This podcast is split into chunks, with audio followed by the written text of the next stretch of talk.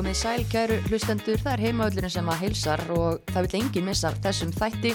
Í bóði Dominos og Orku náttúrunar eru hinga mættar tvær algjörar fagkonur, sjúkraþjálfarin Bára Kristbjörg Rúnastóttir og styrtarþjálfarin Katrín Ír Fríkistóttir. Þema í dag er þjálfun kvenna og gestirnir algjörlega onn þegar kemur að þeim efnum. Sjálf heiti ég svo Mist Rúnastóttir.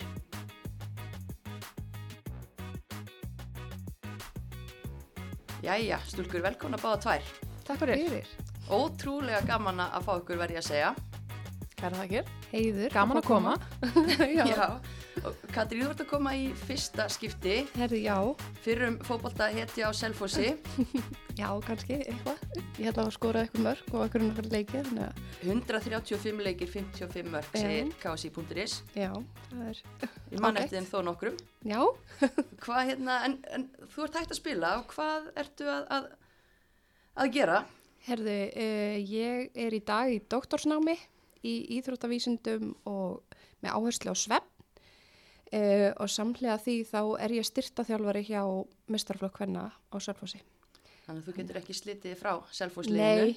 uh, það er mjög skemmtilegt að fá að hérna, vera núna hinum með borðið og þjálfa stelpur sem ég spilaði einu sinni með. Þannig að það er gríðara skemmtilegt. Þjálfa sýstuðina meðal annars. Já, Hvernig er það? herðu, það gengur bara mjög vel og ótrúlega þetta satt þá hlustar hún á mig og hérna í þau fá skipti sem hún gerir það, þá gerum hún það hérna í, í gyminu allavega heima og, og já, þannig að það er bara mjög skemmtilegt. Og fyrir þau sem ekki vita þá er Anna-Maria Fríkistóttir sýstir þín. Já, einmitt. Akkurat. Uh, Bára, það er nú langt síðan að fengu þið síðast hérna á, á heimavöldin og það er ímislegt margt vatnur inn til sjáar, Já, heldur betur. Það er alveg komið ár pluss kannski. allt Ekki. og langt. En þú varst aðstofþjálfur á Selfoss á síðasta tímabili, Meðal annars. meðal annars, Meðal annars. og nú ertu ekki aðstofþjálfur í Selfoss, þú Nei. ert uh, að gera hvað? Um, núna er ég í í fullu starfi á stofu hérna í Reykjavík, uh, sjúkraþjálfunarstofu sem heitir Kjarni sjúkraþjálfun og svo er ég verði ég með þína menn í þrótti að einhverju leiti í sumar, sjúkraþjálfur hjá þeim Nó, bara Þannig að uh, karlmenn- kallana. Já, ok. og hérna já, svo svona kannski eitthvað innvinklu í fótbolta hér og þar. Ég fer með KSI 23 ára liðinu núna í apríl þannig að ég er ekki, veist ég er ekki alveg búin að slita mig frá fótbolta sko en, en mér fannst ég þurfa að hérna gefa sjúkarþjálfuninni smá sjens, veist ég er búin að vera að þjálfa síðustu átta ár og hérna læriði þetta nám sem ég kláraði fyrir tveimur árum og hef ekki lift í einhvern veginn að taka neitt plássa því að fótboltan hefur alltaf verið fyrsta sæti þannig að núna er ég svona að þreyfa mig áfram og sækja mér smá reynslu í því Já, og er það ekki bara rosa gaman? Jú, það er ótrúlega skemmtilegt og ég einhvern veginn pínu gerði mér ekki grein fyrir hvað það er í raun og veru krefjandi í raun og veru eftir útskrift. Þú veist, fyrstu 2-3 árun ertu bara svo mikið að læra og þú tekur vinnuna með þér heim alveg eins og þú gerir með fótbolta og, og maður þarf alveg að svona að fá að hafa, leifa þess að taka pláss sko.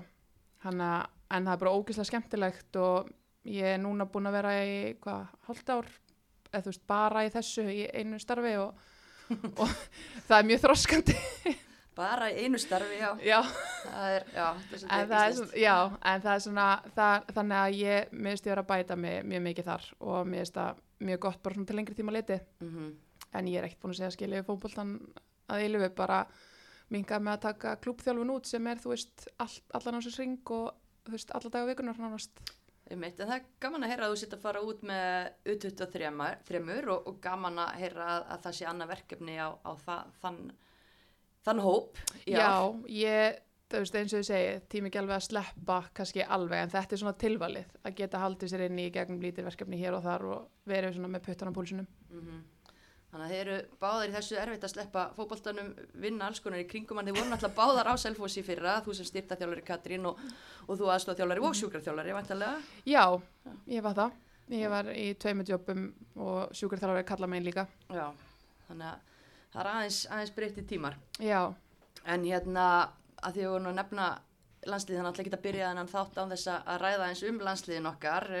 Já, úslítalega, stelpunar okkar gera góð hluti að landsliði Pínatar meistari og U19 ára landsliðið okkar, já, ég veit nú ekki hvað æfingamóti í Portugal hét, en þær tóku tóku það að rúluðu því upp, fullt hús. Hvað svona, já, hvaða vísbendingar getur þetta gefið okkur inn í fótbolta árið? Já, mér finnst það bara mjög jákvætt. Uh, sérstaklega að fá að lifta byggar hann á, á pínatar, mjög, mjög skemmtlegt. Um, mér finnst það er gera vel, um, mér fannst við vera betri að halda boltanum, um, þannig að ég held að þetta sé svona merkjum það að við erum aðeins að reyna að þóra og, og hérna þannig að vonandi skref bara í rétt átt Mm. því að þessar stelpur eiga fullt erindi í að gera stóra hluti það er bara klárt sko Já. Já, mér finnst þetta bara algjör snild og náttúrulega bara ótrúlega stert fannst mér hjá við 19 sérstaklega þú veist að því að þær voru hérna uh, með frekar sterkur liðum líka eða sérst þess að þú veist leikur á móti Portugal og, og hérna og gaman að sjá þú veist þess að maður sá nú, ég sá reyndar ekki leikina en ég sá svona mörkin þá voru svona hlutir eins og veist, markið á sætis og snætis í samspili og kalla að taka ótrúlega mikið plási í þessu hóp og hérna hann er mjög stað mjög skemmtilegt og svo er ég óbúslega spennt fyrir hvernig Olla kom inn Já, Klár. quiz bam búm, Í algjörlega alveg- onn í Mhm. fyrsta Hallans leik. uh, það er hvenær gerist það síðasta að leikmaður skora tvennu í, í frumrunni? Gerist allan ekki degi? það, það stóð einhver staðar en daginn að var einhver einu önnur sem átti svona eða sérst líka, en já en nei, þetta gerist ekki hverjum degi og þetta er bara líka gett jákvæmt að því að nýju staðan hefur verið svolítið svona hvað, just, er eftir að segja vandamál heldur meira svona ekki alveg nægilega stöðu veist, og, og Berglind er meiri svona target center en Olla, þú veist, með svona eiginleika eins og stinga sér inn fyrir línu og svona sem að hefur vantað í nýju stöðuna hjá okkur að mínum mati, þannig að svona spennandi hvernig er þetta að vinna með það og fá það betur inn í að hérna hafa meiri vít í, í þessari stöðu. Einmitt, algjörlega, hún var hérna valin leikmaður vikunar með miklum yfirbörðum á hérna heimavöllinum, Instagram kostning þar og, og fólk var á því að, að Olla hefði verið algjörlega onn en það var líka hellingstilnefningar á einmitt köllu og sætísi sem að Mhm, þú nefndir áðan og gaman að sjá sætís vinstri bakurir og fyrirliði þarna leiðtói að raðin mörgum -hmm. hún Er alltaf með það- svaka fót sko. Og hún er í þannig kerfi í stjörnunni að hún fær að fara svolítið mikið upp vangin í sóknarleiknum þannig að hérna, hún kemur sér oft í fína stöður og, og hérna bara geðvögt að sér skila sér mörgum 100% þannig að við ætlum að vera spenntar fyrir þessu fótboltári já, verður við ekki að vera það. Klárt. Það þýðir ekkert annað. En hérna uh, já ég fekk ykkur hérna að því að mér finnst uh, ótrúlega áhugaverðir hlutir í gangi varandi vitundavakningu hvað varðar hérna svona þjálfun á, á kvennkins leikmönnum þar sem tekið er til, til kins í þjálfun og þið hafið báðar stúdirað það og eruð já, miklu sérfræðingar í þeim efnum og já, eins og þú segir Katrín, þú er doktorsnemi upp í. HÍ, nei, HR. HR fyrir ekki og hérna ég veit til þess að bæði í BS og mastersverkefninu varstu að, að einblýna svolítið á þjálfun mm hvenna, Já, kannski getur sagt okkur byrjum kannski bara aðeins á því, hvað, já. hvað rannsóknir þú hefur verið að vinna? Uh, ég sem sagt í BS-verkefni mínu þá var ég svona skoða uh, áhættu þætti fyrir um, krossbandaslit hjá konum. Og þá, já, laði áherslu á stelpur í fótbolta og þar vegur tíðarhingurinn mjög stort. Uh, þá svona byrjaði ég að grúski í þessu cirka 2017 og um, já, ég sérst fór mjög djúft þá á því tímabila menn ég var að skrifa. Og svo er þetta einhvern veginn alltaf þekking sem ég hef verið að þurfa að leita uppi aftur og aftur og skoða meira og meira bæði út af áhuga og svo líka bara út af starfinu mínu. Þannig að um, þetta er eitthvað sem fylgir okkur öllum konunum. Og hérna um, mjög mikilvægur þáttur í, í bæði meðslafórurnum og framistuðu þannig að já, ég hef bara þurft að, hérna, grúska mjög mikið í þessu og nýti þetta á hverjum degi í mínu starfi sem styrta þjálfari þannig að klárt, mjög mikilvægt oft talað um það að svona, hvort sem það er í íþróttum eða bara í almennum félagsfræðilegur ansvagnum að Já. það er rosa mikið miðað út frá kallmanninum, kallkyninu. Já, Er, er þetta að breytast eða þegar þú fer að stað, þú veist, í þína Mhm. vinnu þarftu svolítið mikið að vera að, já, bara reynilega búa til heimildir eða hvernig, Já, sko það var nú eitthvað til að efni þannig 2017 þegar ég er að skrifa en, en það er gríðarlega framþróun um, á þessum rannsóknum á konum í íþróttum. Um, hér áður var þetta bara þannig að við vorum aðeins og flóknar til þess að rannsóka okkur um, meðal annars út af tíðarhingnum okkar, uh, öllum þeim hormonasveiflum sem eiga sér staði yfir einn mánuð. Uh, það gefur auga leið að gera rannsókn á uh, leikmanni eða bara þannig sé líkamsmælingar á, á, á hérna leikmanni um, einn daginn og, og endur taka þær eftir þrjáru vikur, þú farð ekki sambarlega niðurstöður. Tíðarhingurinn er eitthvað sem að þjálfarar, sem að þjálfa konur þurfa alltaf að vera með bakveirað. Það, hann hefur bara það mikil áhrif á okkur og, og ef að, um, ef að þjálfarar fari gegnum sína mentun án þess að Eh, einhver staðar uh, þurfið þeir að- skoða þennan uh, þátt um, þá finnst mér mjög ábótavant um, að svo þekking sé ekki til staðar hjá þjálfurum landsins en ég veit uh, fyrir víst, ég hef sjálf verið að kenna fyrir KSI þannig að uh, einmitt fræða um, um hérna, þjálfum hvenna með tilliti til tíðarhengsins Mm. og um, þetta er bara námskeið sem er núna komið inn í bíagráðuna sem að ég fagna. Um, þetta er gríðarlega mikilvægt og það er mjög áhugavert að, að vera að kenna þetta uh, bæði uh, konum og körlum sem uh, eru þjálfarar í dag. Um, karlarnir, þeir reyk upp stór augu og, og þeir, þeim finnst þeir kunna allt þegar þeir lapp út á námskeiðinu á meðan að konurnar sitja og þóra lítið að segja en tengja við allt sem ég er að segja. Þannig að þetta er mjög, mjög mikilvægt topic og allir þjálfarar uh, þurfa að vera meðvitaðar um þetta og þeir þjálfarar sem að sitja námskeiði og eru ekki að, að þjálfa stelpur beint þeir eiga flestir konu eða dóttir í íþróttum eða eitthvað slíkt og þeir tengja þannig að þeim finnst þeir geggjaðir fara heim, vita nákvæmlega hvernig konunni líður og, og þannig að þetta er bara eitthvað sem við græðum öll á að, að sé kent í, í um, öllu tengt þjálfun. Algjörlega bara nú, þú búin að fara í gegnum þessi þjálfara námskeið, Mhm. uh, þetta er nýtilkomið, mannst þú eftir að hafa fengið einhverja fræð, fræðslu sko, þá er ekki tala um, þú veist, í sjúkarþjálfuninni heldur bara, Í þjálfurarnáminu? já, þjálfaranáminu. Um, sko, þetta sem að Katrín er að tala um var ekki kent. Ég klára aðgráðuna, hvað, 2017 og þá var ekki farið um, í þetta eða þjálfun á muni sérst milli kalla og kvenna. Um, það er svona stiklað á stóru hvað var þar meðisl en það er ekkert miða við, það er tekin einhver tölfræði um tíðinni en það er ekkert miða við hvað konur þurfa og hvað ka- kallar þurfa.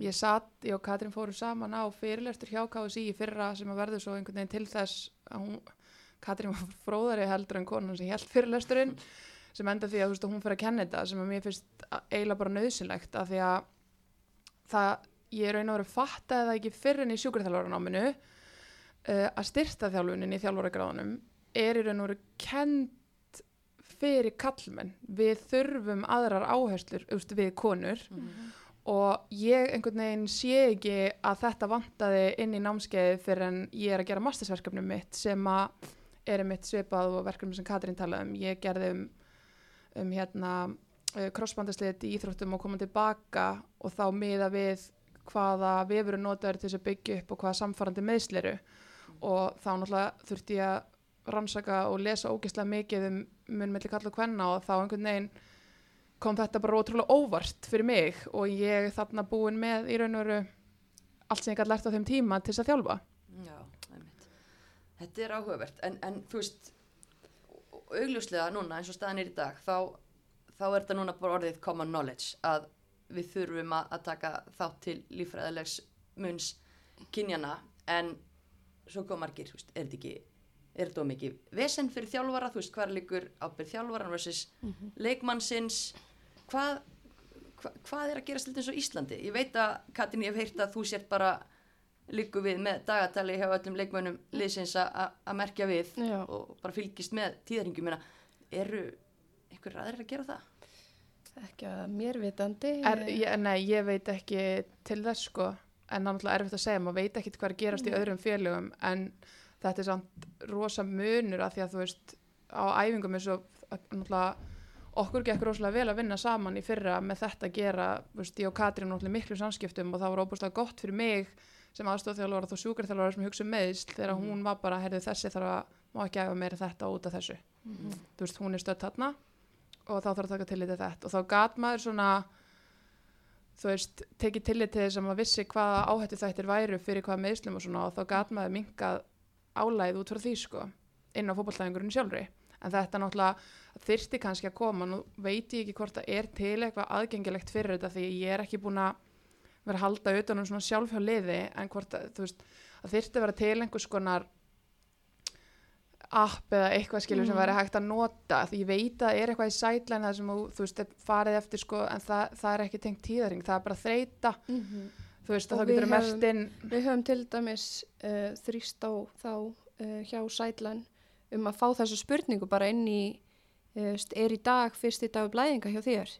Já. En það hefur gengið mjög erfilega, kannski með hérna, auknum þrýstingi hér í gegna að hérna, þetta er bara einföld spurning sem að annarkort segir já eða nei og, og hérna, en, en svona eitt dæmi kannski um það Mhm. að hérna, búnaðurinn líka í knaspinu, þetta Já. er allt búið til fyrir kalla og, og hérna, eitthvað sem að verðt er að þróa. Mhm. Ég veit reyndar að veist, það er smá framþróun þar í gangi en, en ímislegt sem að svona praktísk atriði sem að um, má heldur betur umturna í tengslum konur.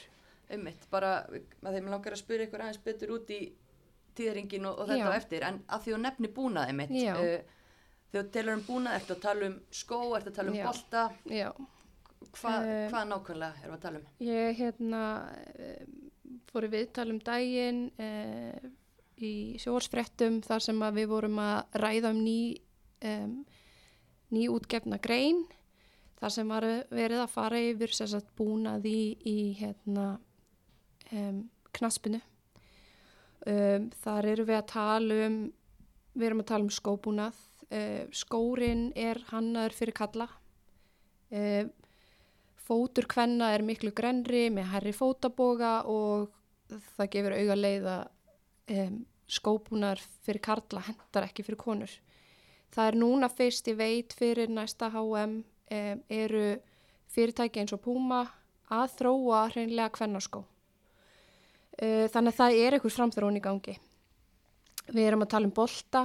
Uh, það er verið að gera rannsóknir á höfuðhöggum. Mhm. Uh, boltin er jafnstór og jafnþungur fyrir konur og karla. Konur eins og ég sem ná ekki einum á 60 og þegar ég var að spila í kringum 50 kíló hefur þetta meiri áhrif á höfuð á mér að skalla þennan bolta heldur en karlmann sem er 1,80 og 80 kíló skiluru. Þannig að þetta er allavega verðt að skoða þetta. Er þetta að hafa þau áhrif að við þurfum að reynlega minka boltan eða léttan fyrir konur að því við erum ekki einsbyggðar og kallanir. Mm eins í tengslum við búninga. Þú veist, ég man það bara þegar ég var alveg upp sko, og, og meiri segja e, þegar ég var að byrja í mestraflokki að þú veist, ég var í búning sem að var svo stór og þú veist, Ég líka, ég er samt veist, 1.80 sko. Já, þú veist, þannig að, þannig að hérna, og svo voru gerða breytingar núna, uh, það var sérst gerður uh, kvennabúningur, sérst, um, ég held að það verið 2019 sem að þeir eru að koma fyrst og þá eru þeir alveg aðsniðnir og mjög stuttar stuttbuksur og þið getið ímyndað ykkur að vera á blæðingum og spila leik í hvítum stuttbuksum sem að um, eru eins og sundbuksur, þú veist. Þetta áalveg við í öðrum íþróttagreinum. Þú veist, sjáu eins og stelpunar í ballett eða fimmleikastelpunar eða það er ekki þægilegt að vera á blæðingum um, í þessum fatnaði sem að búið er upp á. Uh, það sem að við erum að kalla eftir er kannski að þessi framþróun eigi sér stað í samráði við leikmenn. Hvað vilja leikmenn? Ég þekki bara eins og að tala við Dagný uh, Brynjas uh, sem er góð vinkona mín. Vist, hún er í búning, spilar úti með vestam í búningi extra large um, af því að annars er hann bara, nær hann bara niður á nafla. Já, Af því að hann er í kvennasniði. einmitt. Þannig að, þú veist, þetta, við erum allar mismunandir. Við þurfum að þróa búningana og keppnisbúnaðinn í samráði við leikmennina sem er að fara að nota búnaðinn. Það er bara alveg ljóst. Við erum allar misjafnar, við erum með misbreiða mjadmir, við erum með misgrant mitti, við erum með mislanga búka, þú veist, Mhm. brjóstastarðin er mismunandi. Eh, Þú veist, við verðum að taka tillit til þess. Veist, við erum ekki í gerðinni eins og strákarnir þannig að það þarf bara meiri aðlugun að okkur og 100% í samráðu við leikmenn hvað vilja leikmenn í dag jú, ég veit alveg til þess að sumir leikmenn kjósa það að veri að sniðnum búningum en svo eru aftur á móti aðra sem vilja það alls ekki. Þannig að mögulega þarf bara að vera til búnaður sem að e, hendar breyðum hópi. Og Já. það er bara það er heljarna verkefni, svo framþróun uh, en það er eitthvað sem við verðum að gera. Akkurat, greinlega, já, greinlega mjög mörgu að taka. Margt sem að maður bara pælir ekkert í og Nei. þessi sem að var bara einhver átó sem leikmaður, bara Mhm. þetta er í bóði og, og pældi ekkert í því en, Bretta búið stuppbuksunar örgla fimm sinnum hérna fyrir einhverja leiki og þú veist, af því annars voru þeir bara niður fyrir nýjar sko, þú veist. Þetta, þetta er ekki þægilegt, það, þetta er ekki til þess að valdandi að framistaðan verði í topp. um, þannig að þú veist, við verðum að hafa búnað þannig að leikmæðurinn getur bara 100% einbett sér að leiknum, veist. Og ekki að spá í því hvort hún sé að byrja á blæðingum í miðum leik af því hún er í hvítum stuppbuksum eða annað slíkt. Þannig að, Við lendum nú í því fyrra. já, uh, þetta því? eitt dæmi um það að þú veist, bara getur gerst hjá öllum stelpum, þú veist að þetta getur bara byrjað án nokkurs fyrirvara veist, og fyrir- meiri segmið um leik Þetta veist. kom fyrir leik hjá okkur á undirbúinstímabilinu fyrra þessi leikmaður þurfti að hlaupa út á hliðalínu bara í miðurleik og í í kvítustöpusum og græja sig af því að hún bara byrjaði on the spot. Mhm. þannig að þú veist, bara eitt dæmi eða þú veist, út frá því sem Katrín er að segja skilur, þetta getur náttúrulega bara en að sjálfsög eru sum fyrirtæki þannig út í heimi sem eru að þróa búnað. Uh, talum eins og Puma aftur, tek það sem dæmi ekki það að ég sé eitthvað sponsu eða eitthvað slíkt. En ég bara, þú veist, ég veit bara fyrir víst að þú veist leikmennir hjá okkur hafa allar fengið uh, tíðabuxur um, sem sagt bæði boxerbuxur og um, uh, aðra nærbuxur þar sem að veist, þær geta bara verið örugar í hvítu stöpusunum sínum. Þetta var bara okkar viðbrað við því að liðu okkar er í hvítum stöpusum. Það var auðveldar að retta uh, sem sagt, svona tíðabuxum heldur en að fara að breyta búningnum. Þannig að við erum allavega að reyna að, að láta okkar leikmunum líða betur og þetta er alveg tilkomi út af þessu tiltekna aðtöki sem, sem að bára nefnir. Já. Auðvitað er þetta neyðarlegt og þú veist, við, ég hugsa bara hvernig er þetta hjá tólvara stelpum, veist, sem er að byrja á blæðingum í fyrsta skipti, það er mjög óreglulega blæðingar, þetta gerist á nokkurs fyrirvara, það er ömurlegt að vera í þeirra aðstæðu að vera bara í miðjum leik og þú bara, þú veist, og hefur kannski ekki heldur kjarkin, þetta er viðkvæmt málefni á þessum tímapunkti, við lærum það setna meir að þetta er eðlulegu hluti af lífinu uh, og þetta er ekkit að fara og það er, þú veist, við verðum að tala um þetta uh, en að, að veist, lendi svona atviki í miðjum leik og þurfa að hafa kjarkin, hei þjálfari, ég þarf að fara, þú veist, bara inn að skipta skilið. Þetta er bara ömurlegt og ég held að við þjálfarnir umgjörðin í kringum hvennaknaspinu þarf bara svolítið að grípa uh, betur utanum þessar stelpur, þú veist.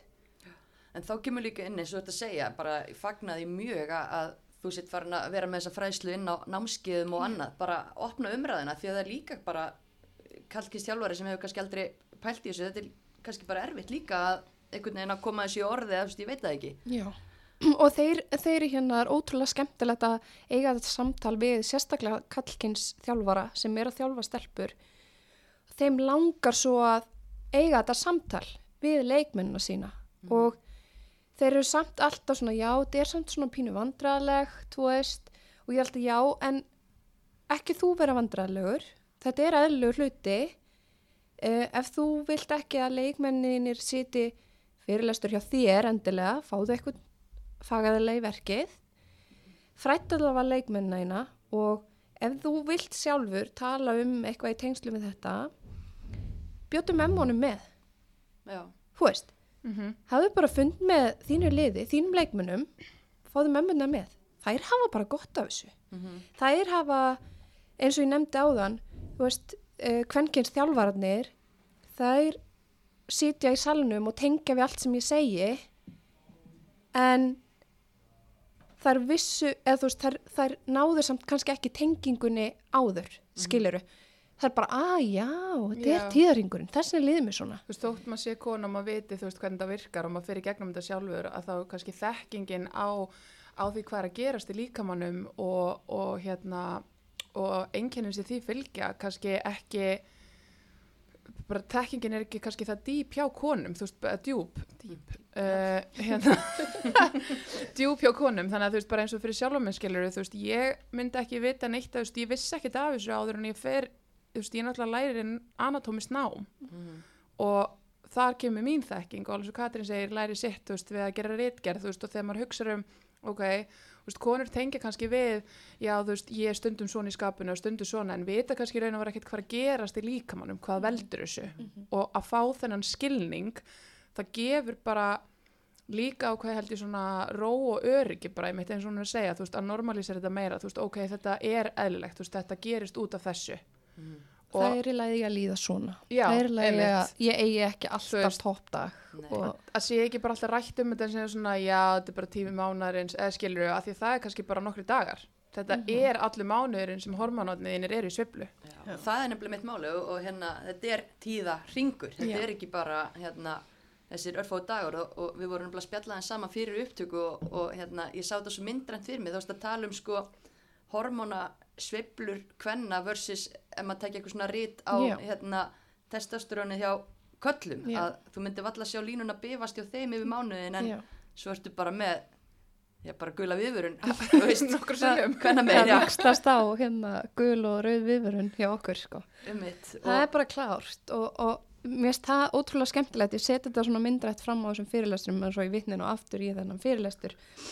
En þá, þá spyr ég sér spurningarna þeir sem sagt e, þeir þjálfarar sem þjálfa konur e, eru þau að nýta sömu eða sambærilegar aðferðir og nýttar eru við þjálfun kalla og ég fæ bara fólk eðst, þjálfarana mína til að svara.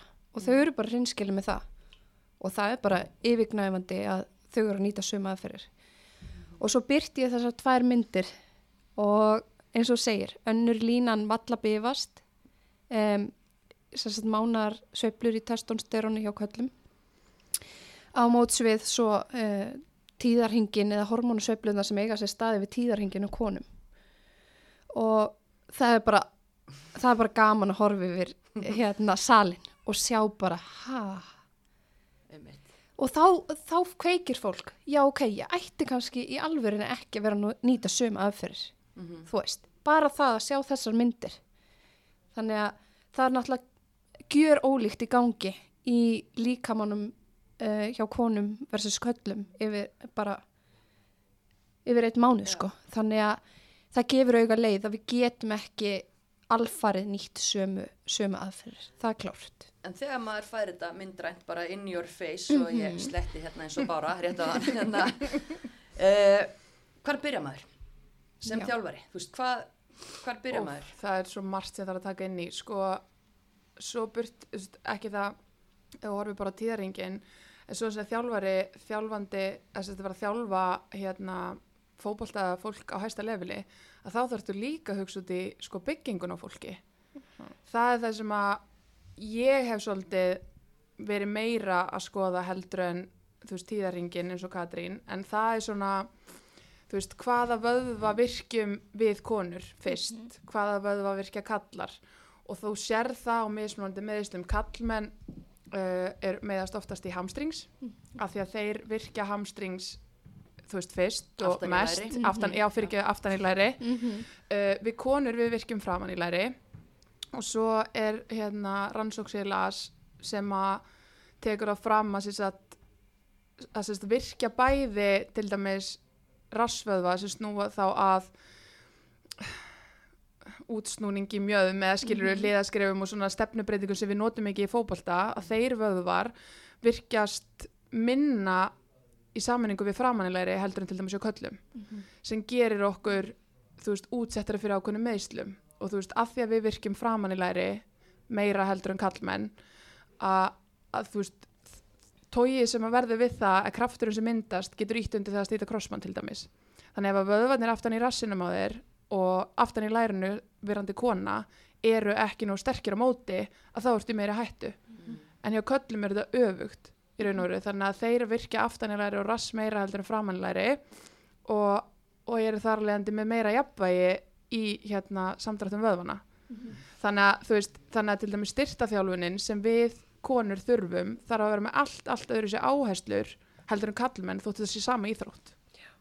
þannig að við þurfum að einblina miklu, þú veist, auðvitað þarf að þjálfa alla, alla þessa vöðva bara svo það sé tekið fram.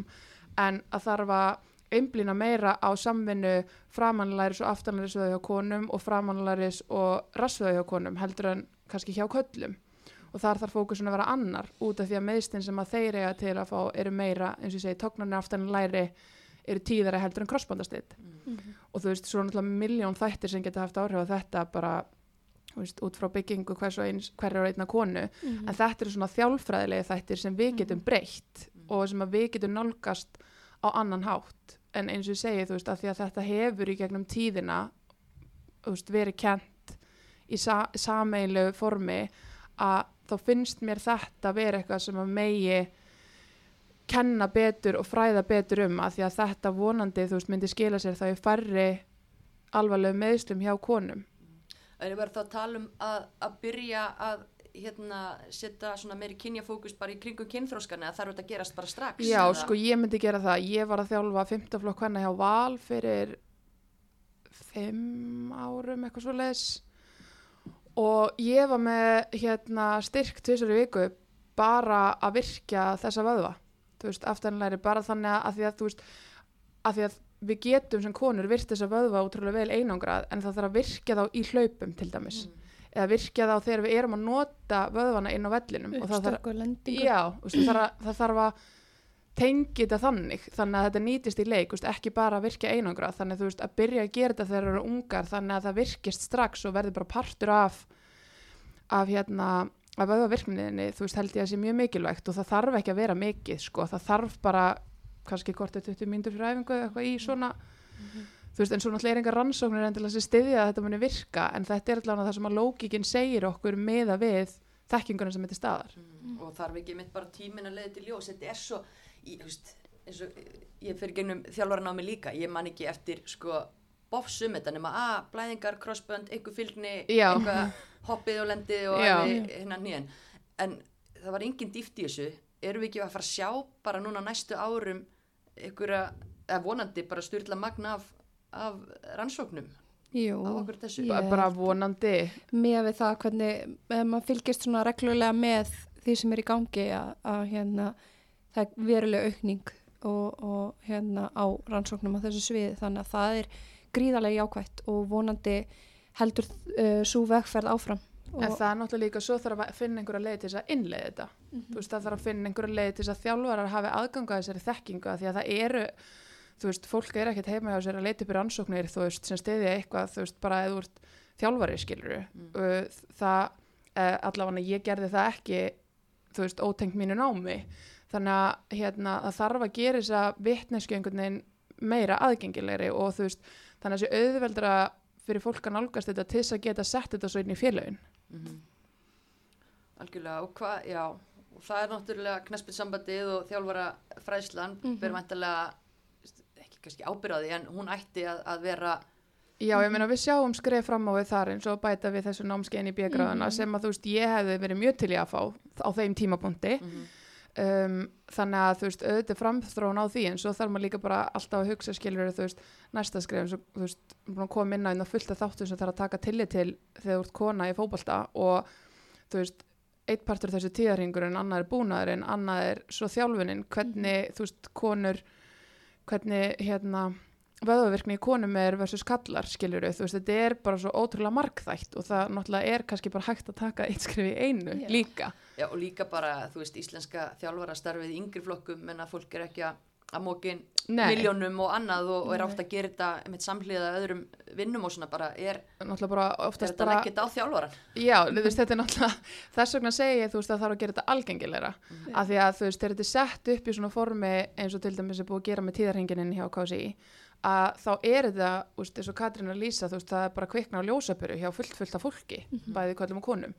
Þannig að það er held ég alveg hægt að gera eitthvað þessum upplýsingum aðgengilegra vissuleiti og líka með, þú veist, þjálfun vöðva og hvernig þú virkir ákveðna vöðva og hvað þarf að passa að þú ert með konur eða kalla.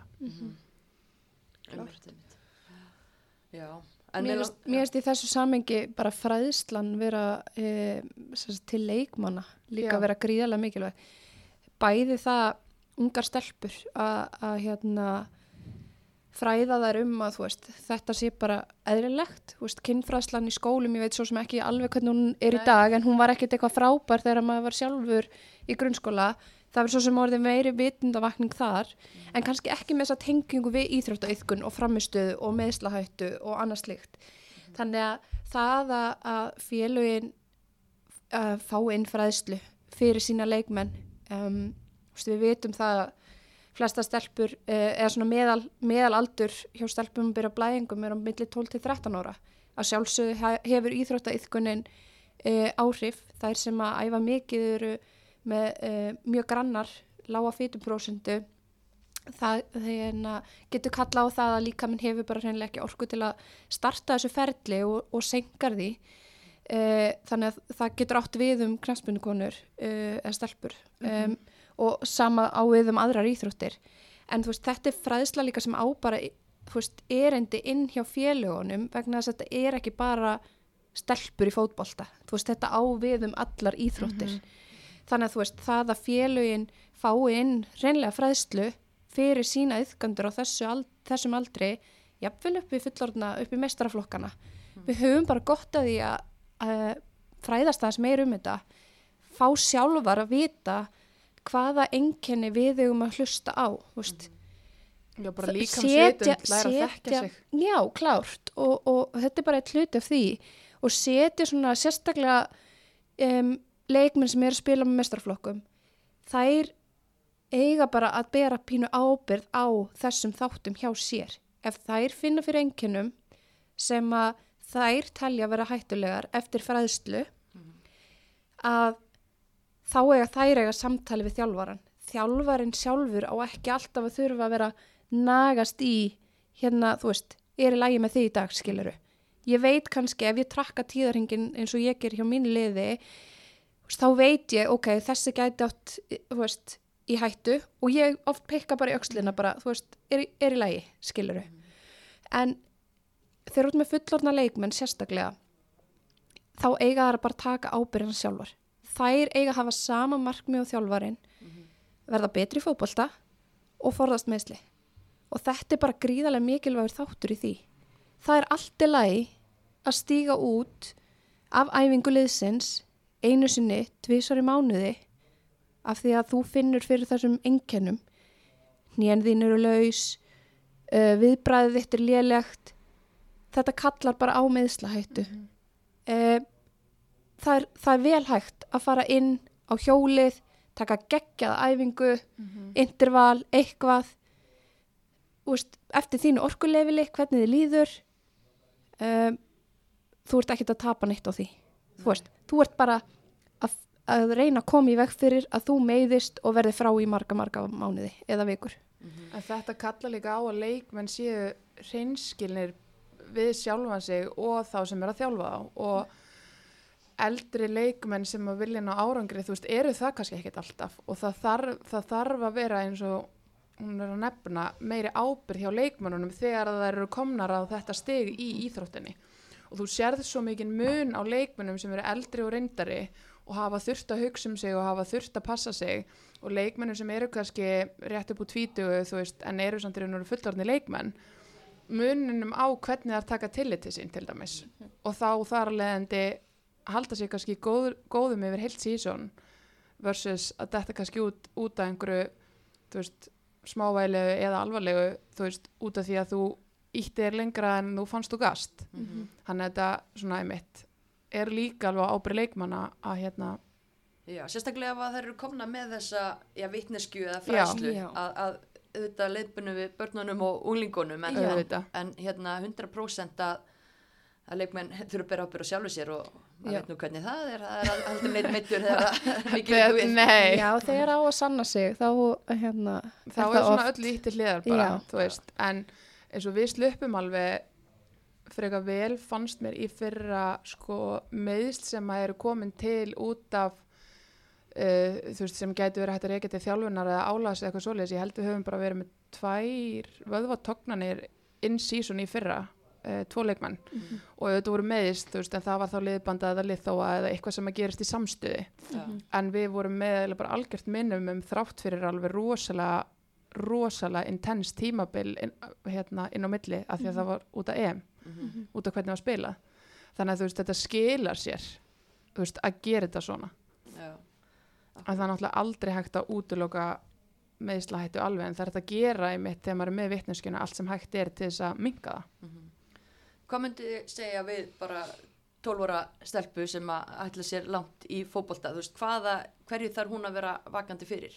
Bara með tilliti til þess að vera, að verða kona, þú veist, og ætla, ætla að verða afreikskona. Uh, fyrsta lagi að um, þetta sé eðlilegt. Við byrjum allar á blæðingum og það er bara allt í lagi. Það er eðlileg hluti af lífinu. Uh, við þurfum að aðlaga okkar þjálfun að tíðarhingnum og við þurfum að reynskilnar við sjálfan okkur og þjálfaran okkar. Ég held að þetta séu líkil punktar. Ég ætla að bæta einu við að hlusta á líkama sinn, Já. að læra að þekkja þessa að og að í raun og veru bara byrja, veist, einn þó, þótt að séu tólvara, þú veist, að byrja að segja, þú þarft að pæla í því, þú veist, hvernig líður, af því að þau finna alveg fyrir þreytu eða aukinni þreytu eða, eða finna að þau eru ekki alveg upplögð og maður sér það alveg bara á börnum, þú veist, þegar þau eru mis, hvernig, þú veist, mis upplögð, Mhm. þannig að þau þurfa líka bara að þekkja það að setja sjálfur sér mörg í þessu samhengi í samræði við sinn þjálfara Mm. á samt þessum punktum. Já. Sækja sér fræðslu, Já. hvort sem það er um, að leita eftir henni sjálf eða, eða bara hreinlega pikið þjálfaran. Mm. þú veist, ef þú ert leikmaður í, e, sem er 12 ára, 14 ára, eitthvað slíkt, þú veist að þetta er að fara að gerast fljótlega, þá ertu mæntalega með hóp af e, stelpum á nákvæmlega sama stað og það væri bara gott fyrir allt liðið, veist, strákanir er ekkit alltaf að pæla í þessu, veist, ef þú ert með kallkynns þjálfara, þá er þeir ekkit að pæla endilega í þessu, sérstaklega ekki ef þeir hafa ekki fengið fræðsluna. Þannig að allir að. Ég ég vona það og ég vona að það séu stelpur að núti sem að pikkar hennilega í aukslinu á þjálfaranum. Hei, getum við alvörinni fengið fræðslu um þetta? Af því ég held að það gagnist ekki bara þeim sem leikmenn, það gagnast þjálfaranum og bjóða með mjónum með. Já. Það, það græða allir á því. Þá ertu komið með teimi kringum leikmennina sem að hafa öll sama markmið ef að leikmenninir sjálfur um, þeim, að þeim finnst óþægilegt að tala við þjálfaran ef hann er kallkins um þetta þá þarf þjálfarin uh, og félagið hreinlega að vinna saman í því að finna eitthvað innan félagsins sem er kvenkins sem tengir við það sem stelpunar eru að tala um og að, að það sé eitthvað svona aðili innan félagsins sem er, er svona pínu talsmaður þeirra Mm. í tengslu við þetta. Það, er, það finnst mér gríðarlega mikilvægt og veitir leikmönnum öryggi. Ef ekki, að þá geta leikmenn tala við sína foreldra, mömmu eða pappa, eitthvað sem er þeim náinn og, og það er treysta og geta rætt þessi mál við og þeir aðilar komu upplýsingum til þjálfara eh, ef við á. Vegna þess að við þurfum að geta rætt þetta það er allt og allt og allt og mikið að stelpum að úti sem að eru að spila bæði hérlendis og erlendis sem aldrei hafa rætt um tíðarhingin við sinn þjálfara. Eru kannski með fullt af einkennum. Þær eru þreyttar, þær sofa illa, þær eru með fyrirtíðaspennu, þær eru með túrverki, þú veist, allt þetta, en segja ekki frá því. Og svo líka ef við tölum um, þú veist, sem er náttúrulega svo annar vinkill í þessu að svo eru stór prósenda kvenna með legslímuflakk eða, eða hérna PCOS sem er Já. svona ekki blöður raukjastokkum Já. og þau tilfelli að þær sem eru með þessar greiningar að þær fá til dæmis miklu miklu meiri túrverki heldur en eðlilegt getur talist og meiri blæðingar og kannski og þú veist Óreglulegri. óreglulegri og get ekki, þú veist, veit ekki og hérna hann veit ekki hvað eru stattar í tíðringnum og þessi leikmenn til dæmis geta vera alveg, þú veist, bara ótrú, bara geta kannski bara ekki æft þeirra blæðingum, þú veist, það, Mhm. það er alveg bara vegna verkja og þetta líka þessi þáttur að þú veist að geta sagt hvernig þið líður og af hverju það er og að reyna að fá þá líka skilningin á því að hverju getur ekki æft, af því að svo er þetta, þú veist, eitthvað sem er líka inn í þessu. En þú veist, náttúrulega auðvitað mikilvægast að byrja á grunninum en þú veist, trösti þarf að vera þannig að þú geti farið til þjálfurinn og sagt bara, heyrði, þú veist, ég er bara með þetta ástand og ég get ekki æft á, þú veist, degi 2 eða 3 eða eitthvað skilur í tíð, þú veist, á blæðingum. Og að hérna að fá líka þá vitand, vita það að þær fái skilningi tilbaka þannig að þær geti farið og sagt þetta. Já. þannig og ég held að það sé mjög stert að reyna að innlega þetta inn í félögin sem fræðslu bara sem flest félög bara þannig að allir séu einhvern veginn á sömu blaðsíðu með þetta og þá er þetta miklu minna mál. Og hérna já það er eins og hún er búin að nefna marga leiðir til að gera það. En hvernig finnst ykkur bara viðhorfið? Að því að þið eru náttúrulega búin að vera að pæla mikið í þessu og ég menna bara tala um auðmyggiskap skilur þú veit með smá túrverki getur alveg æft og keft, ég menna er þetta ennþá attitúti í dag eða er, er breyt, viðhorfsbreytingar? erfitt að segja í stóra samhenginu en ég held að séu klárlega viðhósbreytingar uh, þetta er meira í umræðinu, fólk er að verða með þetta en ég held að sé samt ennþá kannski ákveðin svona þú, þú veist, óþægindi við að ræða þetta og sérstaklega, þú veist, ég meina, það- stærstur hluti þjálfara á Íslandi er kallkins þú veist, það eru ekki margar konur í þjálfun, það er bara staðrind og við höfum rætt það áður.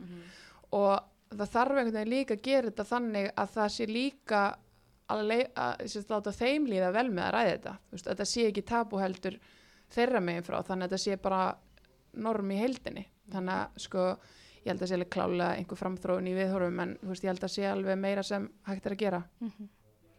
Og við erum kannski ekkit endilega að tala um það að ef að leikmaður er með túrverki hún sleppið um þetta æfingu. Við erum frekar að um, tala um það að hún láti, um, sérst, við erum að tala um þá bara eðlilega einstakling ekki með einhver, einhver, hérna, einhver sjúkdóma undirleikjandi í tengslu við tíðaringin. En við erum bara venjulegu leikmaður, þú tekur ekki pásu frá æfingu af því þú ert bara af því þú ert með túrverki. Við erum ekki að tala um það. Heldur að þjálfaraðin sem meðvitaður um að þér líði svona og hann skilji þá að þú eigir kannski ekki endilega þinn besta, besta dag. Þú veist, það er bara holdt fyrir okkur að fara að reyfa okkur. En, en hérna, og getur bara hreinlega minkað minkað Já. verkina. En við erum að tala um það að veist, það sé í lægi að við eigum ekki okkar topp dag þó við förum og skilum okkar öllu því sem við getum. En ef hins vegar við ofanilag með túrverkina að um, við finnum fyrir einhverjum einkennum í, í liðamótum eða einhverju slíku viðbræða okkar lélegt eins og ég nefndi áðan þá er það eitthvað sem er að íta undir meðslahættuna e, með, með veist, í, viðbót við túrverkina. Þannig að veist, hausin er ekkit bara á æfingunni. Mm veist, við erum að upplifa verki við erum að upplifa uh, slaka í liðamótum og, og þá erum við virkilega komin í, í hérna, meðslahættu og þá er rétt að fara og pikka þjálfaran hei, geti fengið prógram, farið inn á hjólið að því ég ætla ekki að meiðast á æfingu í dag veist, En hvernig ákvarðinu taka þjálfari og leikmaður segjum sér svo hérna leikmaður sem finnur fyrir einkennum? Já. og en það er byggarúslitaleikur já. Hvað hva gerum við? Við þurfum náttúrulega, það kom upp þessi moment og veist, það kom upp mikilvægi leikir og allt það. Og það er, veist, það er eitthvað sem við, við viljum frekar e, verja þessum momentum, þú veist, þegar þau komu upp að þú farir þá og spilir leikin þú veist, en þú ert meðvitið um þín enginni um leið og þú komin í hausin á þér, þá ertu að fara að beita þér öðru sér þú ert að fara að passa þig, skiluru þú veist af þessu og þú ómeðvitað beitir þér öðru sér en þú vilt eiga þennan leik inni. Þú vilt ekki sóa þessu mómenti, segjum að það eigi sér stað á æfingu á miðugudegi og þú ákveður að fara inn á hjólið svo í, af þeirri ástæðu þú fórst inn á hjólið þú mittist ekki á æfingunni, skilur þannig að þú ert fersk, þú heldur áfram að æfir og æfir, svo kemur þetta móment upp og það er byggarústildaðegur og þú ert á fyrsta öðrum degi blæðinga og þú finnur fyrir verulegum engjönum þá bara tökum við þá ákvörðun við ætlum að spila leikin, er það ekki?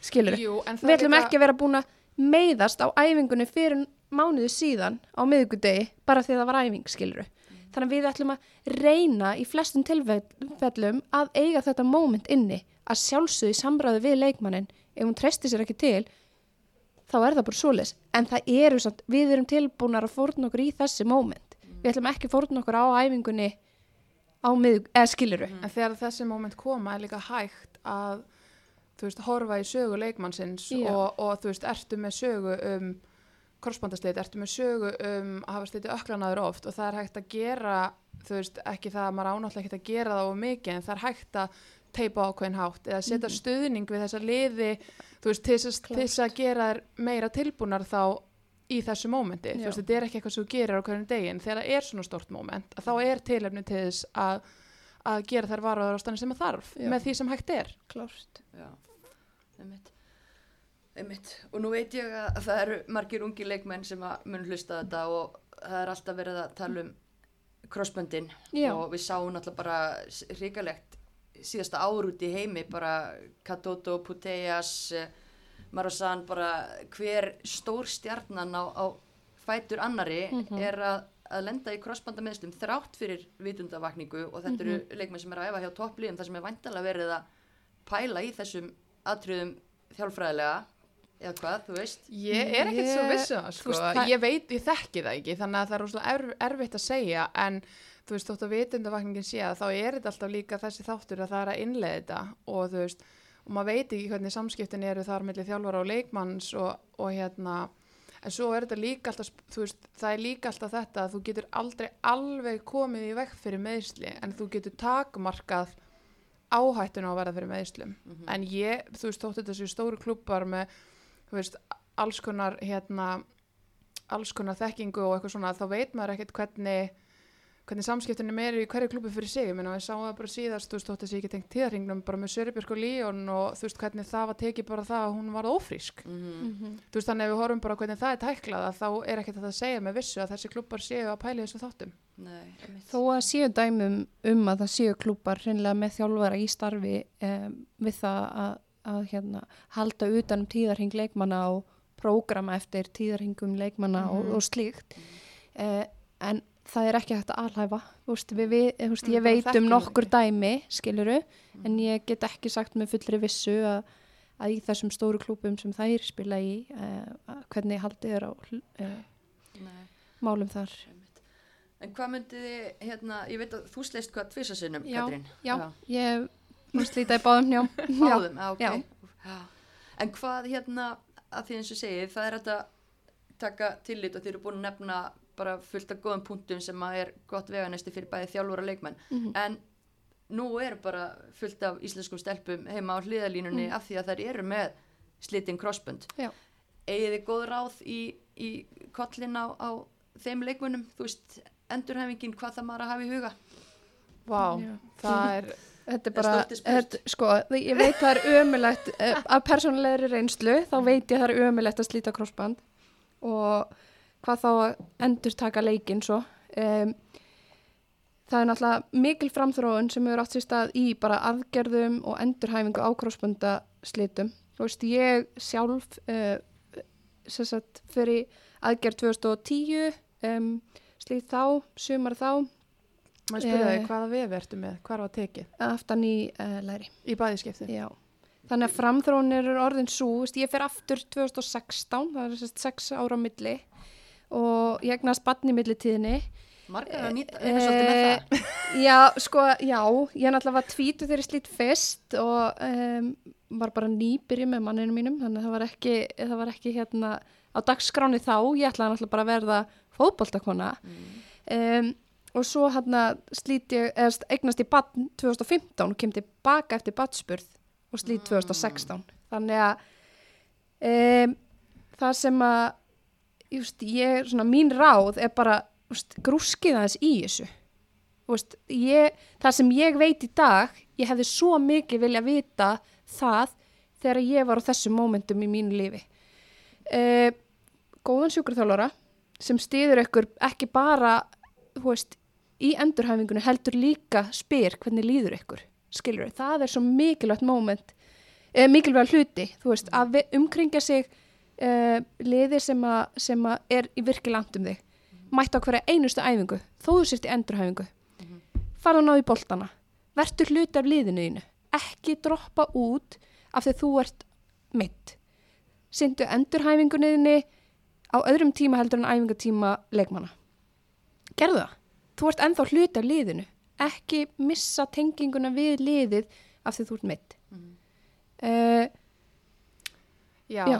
það er sko, það er fullt af þáttum sem það er að huga það er þegar þú ert að fara í gegnum endurhæfingu, þetta er löng endurhæfing. Þetta er frá atvinnumenn í Englandir að koma tilbaka til sex mánuði, þú veist, það er í raun og bara mjög sjálfgæft að það sé optim, eða sagt, í- jákvætt. Um, það sem þarf að huga að þegar þú ert að fara inn í þetta ferli að þetta er svo langu tími og þú munt fara í gegnum ótrúlega mikið að sveiflum andlega og eitt stór þáttur sem að mér finnst er að hausin á þau eru oft tilbúin tölvört fyrir heldur en líkaminn. Þannig að þú verður að vera meðvitað um það að þegar þér líður eftir hálft ár eða eftir sjö mánuði eins og þú sé tilbúin til þess að fara aftur á völlin að þá eru líkamlegi hlutin að þeir ekki komin á sama stað þótt að þú sért þér líði þannig. Þannig að það þarf, þú veist, það sem að mitt er að, þú veist, þegar, þegar þú lendir í svona meðslum að þá er veru þarft að leggja kannski meira á þig heldur en þú ert að spila. Af því að þú þarft að styrkja þig ótrúlega vel í kringum ból, mjaðmir, fætur, sérst nýja ökla, alveg alla keðuna niður. Og að eigða eins bara miklum tíma og getur í að styrkja það til þess að fyrirbyggja að það gerist aftur. Og svo er annað þáttur sem að um, ég er búin að stúdra svolítið mikið og það er hvað er tekið þess að spyrja Katrinu hvað var tekið hjá þér af því að Og hvað þýðir það á mannamáli? Já, um, á mannamáli. Er- þá hvað er er sem sagt- tekið? það, það er tekið sem sagt til þess að byggja upp krossbandi þegar slitnar því að krossbandi græðir ekki sjálft. Þannig að krossband slitnar að þá er tekin vefur úr þér oftast uh, annarkvort aftan úr læri þar sem er tekið þráður um miðum vöðvanum eða þá framan úr nýjaskelja sin uh, þar sem er tekið þá miðjan úr nýjaskelja sinni þannig að þá er svona tveir þræðir sikkur megin þar. Þannig að það hefur áhrif á hvað þú þarfst að byggja upp og hvernig þú þarfst að vinna uh, hvað þú þarfst að taka tillit til í endurhæfingunni og náttúrulega heilbreyðisalinn sem er með þér í því gerir það náttúrulega. En, en til dæmis ef þú tekur aftan úr hamstring sem var á tímanum sem Katrín slítur mest notað að þá ertu að taka, þú getur líkti við annara gráðu tóknun aftan í hamstring, af því að það tekið vöðvin þarf að endurnýja sig og byggja sig upp og þú ert með einingu sem að dreiga sig saman og lengist til skiptis og býr til kraft og hérna, það þarf að fá að byggjast upp aftur. En þegar það tekið fram úr hérna þér þá ertu bara með gat Mm. í sinninni, af því að það er ekki eining sem dregur sig saman og lengist heldur er það bara þú veist, vefur, það bara sig ekki saman, það, er, ekki- það býr ekki til sinnin býr ekki til kraft eða þú veist, eitthvað svoleiðis. Þannig að, þannig að hérna þú veist, þú þarft að trýta þessa tvo, þú veist, það verður í raun og veru annar skaði þegar að krossbandið er byggt upp og það þarf að endurhæfa út frá því hvar sá skaði verður En taka af hverju er ekki bara alltaf gert það sama? út af því að það eru bara ótrúlega skipta skoðanir, skoðanir á því hvað er betra og það er, þú veist, skurlæknirinn tekur ákvörðun með einstaklingnum uh, sem er endurbyggt hjá og, eða fóreldri hvað sé betra og þá er tekið tillit til líka hvað þú gerir þannig eins og núna í fótbolta er talað um að sé betra að taka framann og neskjala sinn sem er búið að skiptast á síðust árum frá hamstring sem var talið betra og núna er talið betra veist, og þá er ég að tala um upp á endurslit eða að, þú veist, sagt, eh, hérna, hversu vel þið gengur eftir slitið og hvað þú, hvað þú þarft, þannig eins og í fótbolta þá þurfum við náttúrulega að hafa e- eins mik mikinn vöðum að svo hægt er aftan í læri að því að þaðan kemur stór partur af því þeirri hérna því efforti sem við leggjum út.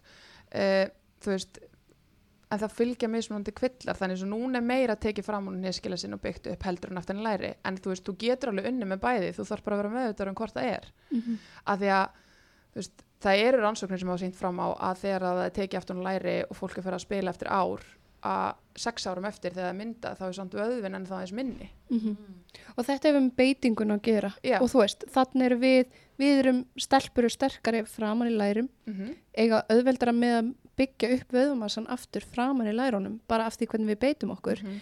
Eh, þannig að þegar það tekið aftan í, þá, við, þá erum við að ströggla við að byggja upp aftur vöðvan sem að tekið er úr. Þannig að, og það, það er það sem að munurinn liggur held ég uh, að stórum hluta í, í dag, að þeir eru farin að skoða þetta svona, Já. Veist. Þetta var nefnilega, þetta var talið framan í nýskilsinn betra og svo breytist það hérna, í kringum þessi ár og var farið að taka aftanlæri og svo núna er farið að vinna aftur með meira framanlæri en þetta er ótrúlega misjætt eftir bara læknum Já. og þú þurft að vera bara svolítið meðdar um það hvað þú, þú veist, einmitt og bara þekkja þetta, þú veist, þetta sé, virki mjög djúft en þetta er bara í raun og veru, þú veist, bara með að hlusta þannig að þátt þá veistu munin, í raun og veru hvað þú þarft og já, og stóri þátturinn er náttúrulega eins og nefndum á náttúrulega andlega liðin þú veist að hlusta og fara eftir leiðbenningum að styrkja þig eins og þú getur og að einmitt hleypa þér ekki og snemma af stað að vera búin að ná ákveðnum skrefum í þinn endurhæfingu. Þú þarft að geta ákveðna hluti til þess að færast á næsta stig og einmitt bara þú veist andlegi þátturinn er óbúst stór og hræðislega við að slíta aftur þegar þú byrjar er til Mhm. dæmis mjög stór þannig að þegar þú ert að byrja að spila að spila bara stutt í einu byggja hægt rólega upp þú veist að ef þú finnur eitthvað þau líður illa bara að tala það Mhm. alltaf að tala það. Fara í gegnum allan, öll test sem það er að já, gera. þú veist, annarkvort já, styrta þjálfara eða sjúkra þjálfara í þínu liði.